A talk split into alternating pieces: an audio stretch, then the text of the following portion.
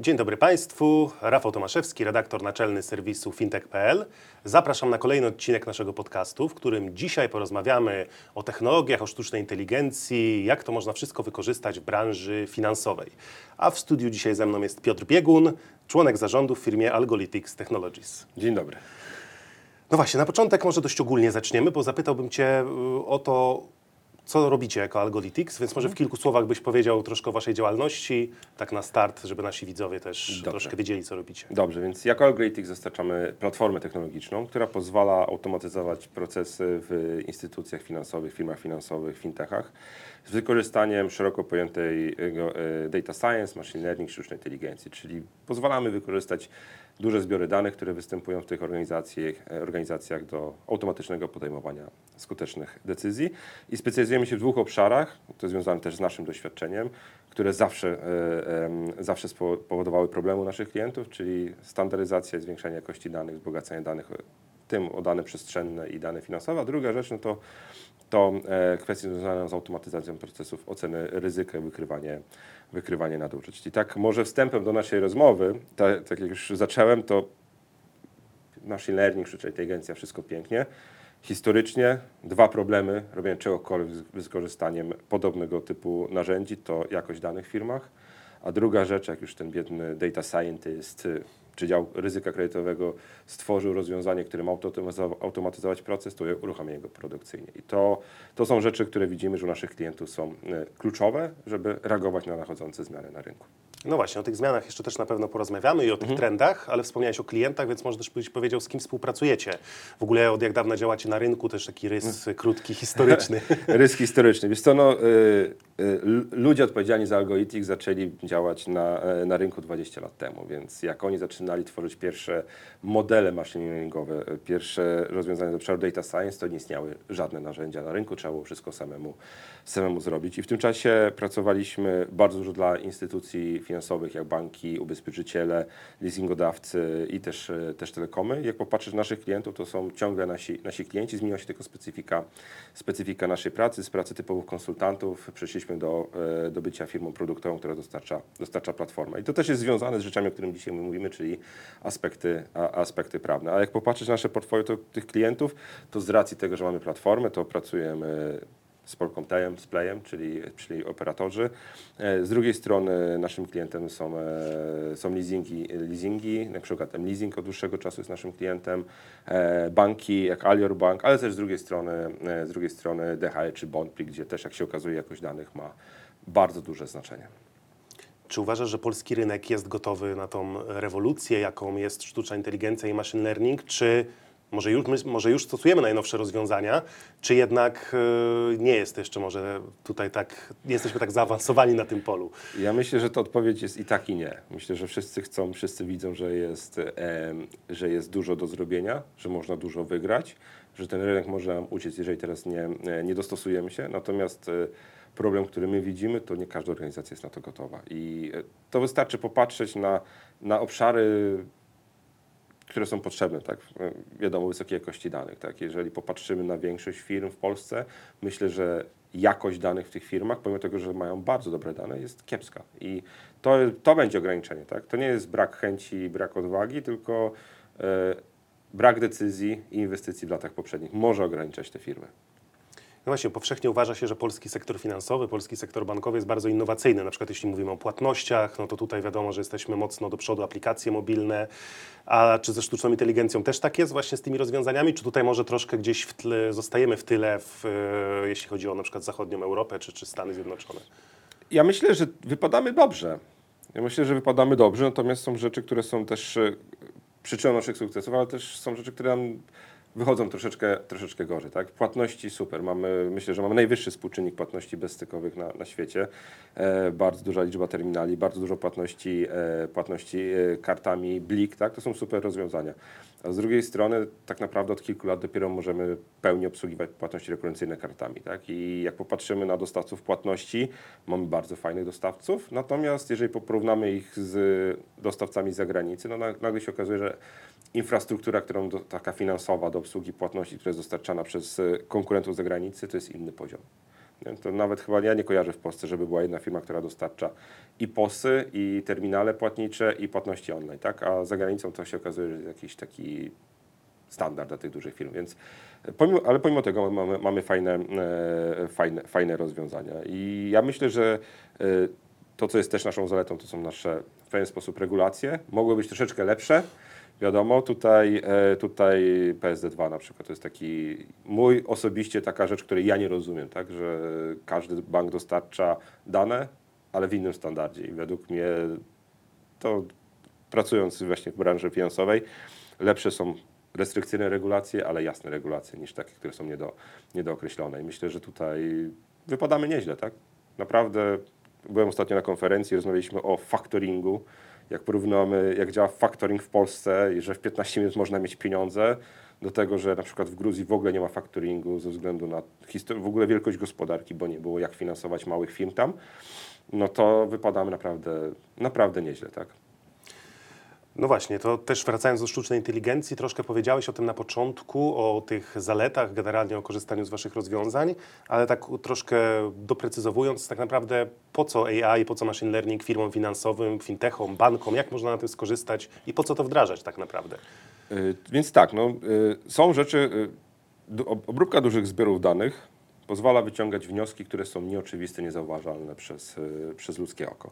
I jeżeli popatrzymy na różnego rodzaju procesy, które występują w firmach finansowych, to tych procesów jest bardzo, bardzo dużo. No bo wiadomo, całe, całe wejście y, do procesu onboarding, customer service, tak? To są takie naturalne, naturalne rozwiązania, gdzie można wykorzystać czy to sztuczną inteligencję, czy rozwiązania e, wspierane e, maszynowym przetwarzaniem, przetwarzaniem danych, bo to też jest, trzeba, trzeba znaczyć, że sztuczna inteligencja i machine learning to, to bardzo podobna rzecz, jednak różni się zakresem, zakresem danych, tak? To z, naszej, z naszej perspektywy i czasami e, to, co u nas się niestety pojawia, jest e, e, sztucznie nazywanie wszystkiego sztuczną inteligencją. Tak? To, to, no, nasz background jest taki, że widzimy, no, widzieliśmy dużo rzeczy i relatywnie mało rzeczy można nazwać, nazwać sztuczną inteligencją. Następnie, jak już mamy takie rzeczy związane z, z klientami zombardowanymi, to wszystko związane z monitoringiem e, transakcji, ocena ryzyka kredytowego. E, Sztuczna inteligencja może nie, ale zautomatyzowane procesy uczenia maszynowego myślę, że jak najbardziej tak. tak? Myślę, że też można stosować sztuczną inteligencję w tych obszarach, natomiast ze względu na regulacje jest to pewien, e, pewien może być pewien problematyczny obszar. Niemniej jednak e, wyciąganie wniosków z, z setek tysięcy, milionów transakcji, e, szukanie powiązań nieoczywistych, tworzenie mm, rozwiązań antyfraudowych tu większość klientów, z którymi pracujemy, nawet nie zdaje sobie wiedzy, jakie, e, nie zdaje sobie sprawy, jakie dane posiadają i co można z nich, wy, e, można ich wyciągnąć. I e, to też wynika z, troszeczkę z tego, że mm, nie zawsze mają możliwości techniczne, tak? że są zespoły, które pracują, wiadomo, dużo danych, historycznie dużo zmian i teraz zrobienie rozwiązania, uruchomienie go produkcyjnie powoduje, i brak, brak możliwości posiadania narzędzi, wiedzy w tym obszarze powoduje, że mm, generalnie jest troszeczkę trudniej. I do momentu, kiedy nie pojawił się ChatGPT, ta cała rewolucja w tym roku, relatywnie niewiele firm na świecie w ogóle wykorzystywało sztuczną inteligencję i tak zwany real-time machine learning, czyli takie e, real-time'owe skorowanie, e, skorowanie użytkowników, czy to w procesach kredytowych, czy takich procesach, e, procesach segmentacyjnych.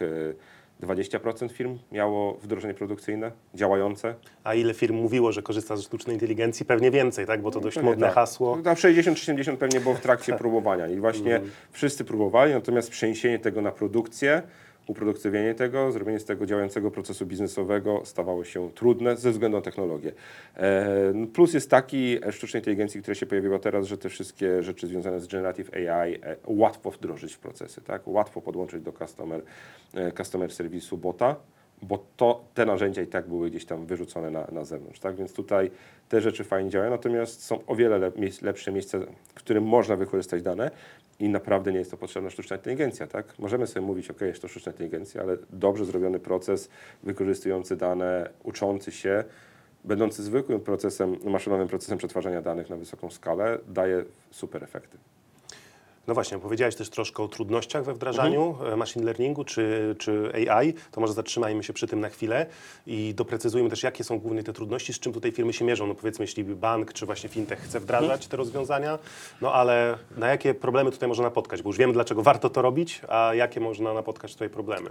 Większość cały czas skazuje jakość danych. To nieważne, czy był proces machine learningowy teraz, 20 lat temu, dostęp do danych, jakość danych, porządek danych, definicja w ogóle danych, tak? czy w całej firmie posługuje się tą samą definicją danych, powoduje, że nieważne jak dobra będzie sztuczna inteligencja, e, rozwiązania machine learningowe, to nasze rozwiązania na słabych danych będą słabo działały. To jest przykład z naszej sytuacji. Na przykład y, my robimy się rzecz, która wydaje się, że jest bardzo prosta i nieoczywista, niepotrzebna. Standaryzujemy dane adresowe. Okazuje się, że w Polsce 60% y, e, zamówień w e-commerce posiada dane wpisane niezgodnie z, ze standardem adresacji. No i teraz wydaje się, że to nie jest problem. No W logistyce ten problem przekłada się tak, że mając niepoprawne dane adresowe, e, paczki trafiają złe miejsca, złe, złe, do złych centrów logistycznych e, lub potem, jak jest planowane już ta ostatnie last mile dostarczenia paczek, okazuje się, że ta trasa tego kuriera jest wyznaczona nieoptymalnie. No, finalnie jest tak, że około 14%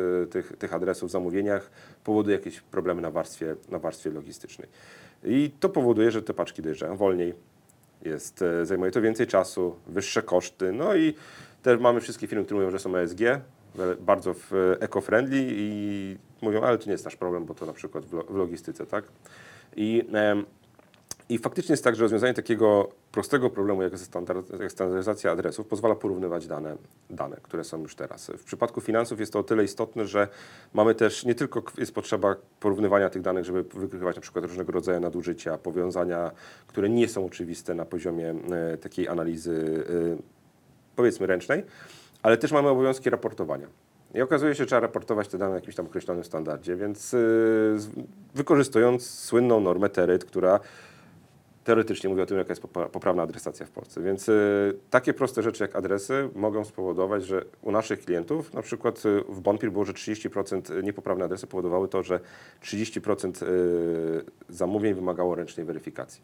To są ogromne zasoby ludzkie i rozwiązanie problemu z danymi to nie jest tylko wejście w stronę sztucznej inteligencji, ale też tak naprawdę us- usprawnia wielu e, elementów operacyjnych. Nie?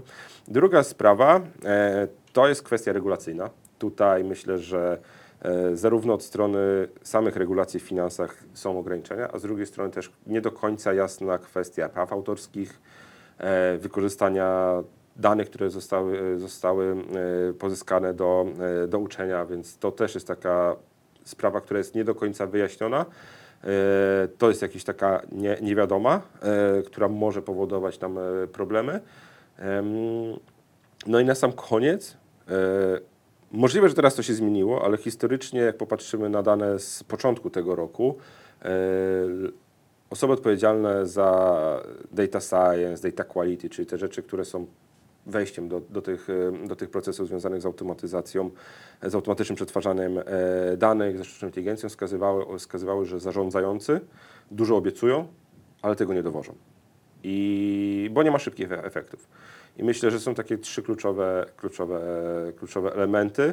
Poza aspektem technicznym, jak już coś to stworzy, to jak to zrobić, żeby to działało, tak? Potem, żeby to faktycznie było e, dostępne produkcyjnie, żeby można było wykorzystać to e, w różnych procesach, więc e, ja bym popatrzył na takie, takie rzeczy. A co jeśli chodzi o klientów tych firm, które wdrażają te właśnie te, tego typu rozwiązania? No bo ostatnio wspomniałeś o czacie GPT, no to też podnosiło się dużo głosów, takich e, trochę mieszane uczucia co do sztucznej inteligencji, że z jednej strony fajnie, z drugiej pewne, pewne obawy czy, czy problemy. No i na przykład nie każdy klient pewnie chce rozmawiać z botem na infolinii, ale na przykład jeśli jakieś już procesy wewnątrz firmy są realizowane za pomocą sztucznej inteligencji, to raczej nikomu nie przeszkadza, tak? Więc pewnie tu jest to dość podzielone, ale jak to z Waszej perspektywy wygląda? Też trochę podejście klientów i czy trochę taka nawet obsługa klienta przez żywego konsultanta czy przez żywego człowieka nie staje się takim benefitem czasem z punktu widzenia firmy i klienta? Ja myślę, że trzeba sobie zadać pytanie, czy chcemy, żeby było wygodnie, czy żeby było te tradycyjnie. Niestety wygoda powoduje nam to, że pewne rzeczy muszą dziać się automatycznie. Jako ludzie działamy wolniej niż maszyny. W niektórych obszarach działamy znacznie skuteczniej, więc są obszary, które powinny być obsługiwane przez ludzi, ale są obszary, które powinny być obsługiwane nie powinny być obsługiwane przez ludzi, tak? Więc myślę, że to jest takie znalezienie, wyważenie, e, wyważenie e, sobie tego, co jest komfortem dla użytkownika, co jest dla niego akceptowalne, z tym, gdzie jest wymagana jakaś taka staranna należytość. I teraz mm, nie jest powiedziane, że wszystkie procesy muszą być zautomatyzowane. Wystarczy na przykład, że w niektórych procesach zautomatyzujemy pobieranie danych, przetwarzanie tych danych, tak? Więc, myśl, e, więc myślę, że tutaj mm, to jest zawsze kwestia procesu firmy, żeby się dostosować do, e, do oczekiwań klientów. E, Z drugiej strony myślę, że obowiązkowym wymaganiem dla każdej firmy jest to, żeby poważnie traktować rzeczy związane z przetwarzaniem danych, z odpowiednim informowaniem klientów. Tak? To, to, że nasze dane są przetwarzane, to i my musimy za to odpowiadać jako firmy, no to to jest chyba obowiązek, tak? W sensie wydaje mi się, że jesteśmy na etapie, że w ogóle trzeba to komuś tłumaczyć. I wydaje mi się, że to jest w ogóle, jak się cofniemy historycznie do, e, do zmian, które są związane z RODO, e, to dokładnie był podniesiony ten problem wtedy, ale teraz jest ogromna zmiana. No nie, formalnie ta zmiana była ustawa, która obowiązała od 90 któregoś roku pewnie, gdzie te firmy były zobowiązane, tylko nikt tego nie przestrzegał. Więc myślę, że e, myślę, że e, to jest kwestia odpowiedniego poinformowania ludzi. Też trochę niejasnej interpretacji przepisów, ale wydaje mi się, że na obecnym, na obecnym etapie jesteśmy, jesteśmy już w dobrym miejscu, aczkolwiek są takie rzeczy, które mnie w branży finansowej e, bardzo, bardzo dziwią. E, Dwa takie case'y, e, rejestr beneficjentów rzeczywistych i obowiązki weryfikacji kontrahentów. Mamy rejestr, w którym można wpisać dowolne rzeczy, a z obowiązków e, takich prawnych wynika, że to nie jest wystarczająca, e, wystarczające miejsce, żeby zweryfikować e, kontrahentów. Więc trochę tu jest nie tak z takich, z takich, z takich obszarów. A druga sprawa, słynne, słynne księgi wieczyste, połączenie numeru księgi wieczystej z numerem działki i tak naprawdę spór, którego do tej pory nikt nie rozwiązał, czy numer księgi wieczystej jest daną osobową, czy nie jest daną osobową. I e, patrząc nawet idąc taki aspekt formalny, tak, no, teoretycznie instytucje finansowe powinny mieć możliwość przeszukiwania księg wieczystych po, po numerze PESEL, tak, ale formalnie jest to takie chyba nie do końca doprecyzowane. Więc myślę, że wyjaśnienie takich rzeczy też jest tutaj istotne, mm, istotne bo to powoduje, że e, brak jasnej interpretacji, jasnego działania, nawet bardzo restrykcyjnego, powoduje, że ten użytkownik końcowy też jest e, za, zagubiony. No właśnie, ale też na plus dla użytkownika trochę to, co powiedziałeś, czyli czas. Jeśli skraca się proces obsługi, no to w dzisiejszych czasach czas jest bardzo istotny i zależy nam, żeby wszystko działo się praktycznie natychmiastowo, jeśli chodzi o, o usługi finansowe, więc tutaj A na to jest pewno nie tylko chyba usługi zysk. finansowe, nie? W sensie, jeżeli chcemy zapłacić rachunek o godzinie 23, bo wróciliśmy do domu, no to to powinno być możliwe, tak? I wydaje mi się, że to jest oczywiste, że my byśmy nie chcieli o 23 pracować i dlatego po drugiej stronie nie ma kogoś, kto siedzi i nas obsługuje. I e, natomiast można te rzeczy uzyskać, te informacje uzyskać e, w sposób, powiedzmy sobie, jakiś taki asynchroniczny, tak? czyli nie taki e, wymagający interakcji. Tak? I to jest naprawdę ok. Tak? I wydaje mi się, że z czego to nawet w admi- administracji widać, tak? że ile zmian zostało na, e, nastąpiło w administracji, które pozwalają wejść w interakcję wtedy, kiedy my mamy czas, a nie wtedy, kiedy urząd jest do 15. To prawda. I wróćmy jeszcze teraz do biznesu na chwilę, Mhm. bo mówiliśmy o wdrażaniu AI, machine learningu i czy to jest kosztowne ze strony instytucji finansowej, fintechu, banku, yy, czy to też jest jakaś bariera, czy gdzieś, no wiadomo, że te koszty później się pewnie zwracają, ale na tym początkowym etapie jak to wygląda? Ja myślę, że to jest kwestia odwagi zarządzających. E, patrząc na wydatki, które są w tej branży, to gdzie, czy to są wydatki istotne? Tak. Czy to będzie drogie? Prawdopodobnie tak.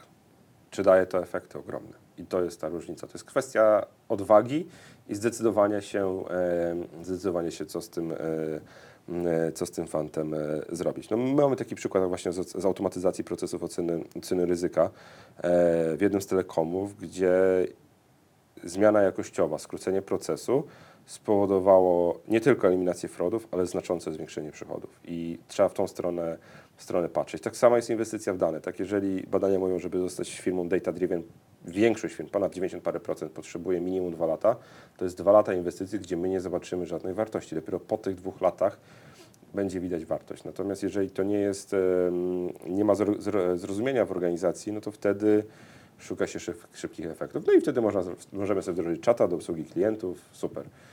Czy daje to dużą wartość dla organizacji? Daje. Czy można zrobić więcej? Zdecydowanie. Tylko to wymaga wtedy niestety większych inwestycji, ale tak naprawdę większej odwagi. Jasne. Zmierzając też już do końca e, naszej rozmowy, zapytam e, Ciebie o Wasze plany na przyszłość jako Algolytics. Co chcecie osiągnąć w perspektywie kilku najbliższych miesięcy? No mamy koniec roku, zaraz rok następny, to taki też moment troszkę na podsumowania, na, na jakieś nakreślenie pewnie planów i perspektyw na rok następny. Więc z, naszej, z naszej perspektywy y, jest dalsze rozwijanie tego, co do tej pory rozwijaliśmy. Rozwijamy się w trzech, w trzech obszarach, czy to jest platforma, żeby właśnie ułatwiać naszym klientom e, e, i innym firmom wdrażanie e, szeroko pojętej automatyzacji procesów wykorzystaniem ich danych, sztucznej inteligencji, machine learningu. Rozwój naszych produktów w obszarze jakości danych i w ogóle baz danych. Tutaj widzimy ogrom, ogromną zmianę na, na tym rynku. Ludzie zaczynają dostrzegać wartość, e, wartość dobrych, e, dobrych danych i potrzeby standaryzacji. E, Tutaj na pewno będzie ciekawym obszarem KSEW, gdzie mamy bardzo duży, mm, duży bałagan w różnego rodzaju CRM-ach i pytanie, ilu klientom się nie wystawią faktury po 1 lipca. Ja jestem, mamy swoje, swoje, swoje, mm, swoje gdzieś tam takie zakłady. Tak myślę, że w niektórych miejscach może być nawet 10% przychodów, więc to czy 10% klientów. I to mówimy o telekomach, o branżach utilities, tam gdzie ma masowego klienta, gdzie do tej pory to nie był problem, a tak naprawdę z pierwszym lipca to może się, może się okazać, że nie będzie można wystawić faktury. A jak nie można wystawić faktury, to nie można pobrać, e, pobrać opłaty, a jak nie można pobrać opłaty, to nasz klient korzysta za darmo i nie możemy wypowiedzieć umowy, bo nie ma podstawy. Bardzo ciekawy czas, ale to też jest powiązane z jakością danych, no i dalsza automatyzacja procesów związanych z, e, z oceną ryzyka. I tak naprawdę tu widzimy bardzo duży obszar do wzrostu, bo tak jak banki, instytucje finansowe sobie bardzo dobrze radzą z oceną ryzyka, tak jak popatrzymy na wszystkie inne firmy, a ich jest znakomita większość, to tam jest to e, robione, ale można to usprawnić. I mi się wydaje, że z naszej perspektywy to, to będzie obszar, który nam będzie mocno rósł następujących, następujących w kolejnych miesiącach, w kolejnych latach.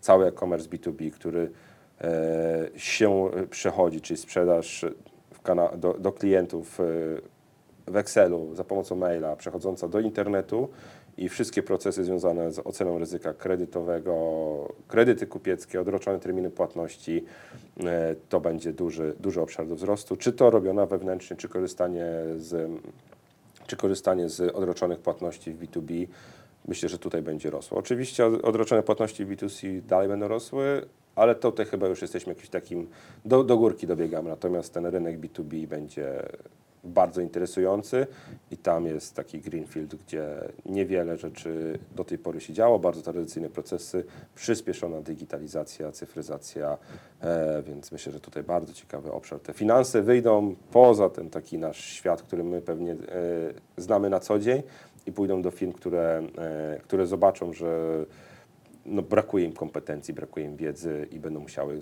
kupować rozwiązania na rynku, więc tutaj ten obszar widzimy jako taki, który wydaje mi się, że jeszcze jest niedoceniany. I myślę, że tutaj możemy postawić kropkę. Gościem podcastu fintech.pl był Piotr Biegun z firmy Algolytics Technologies. Dzięki Dziękuję bardzo, bardzo. za Dzięki. rozmowę. Ja nazywam się Rafał Tomaszewski i zapraszam na kolejne nagranie już wkrótce.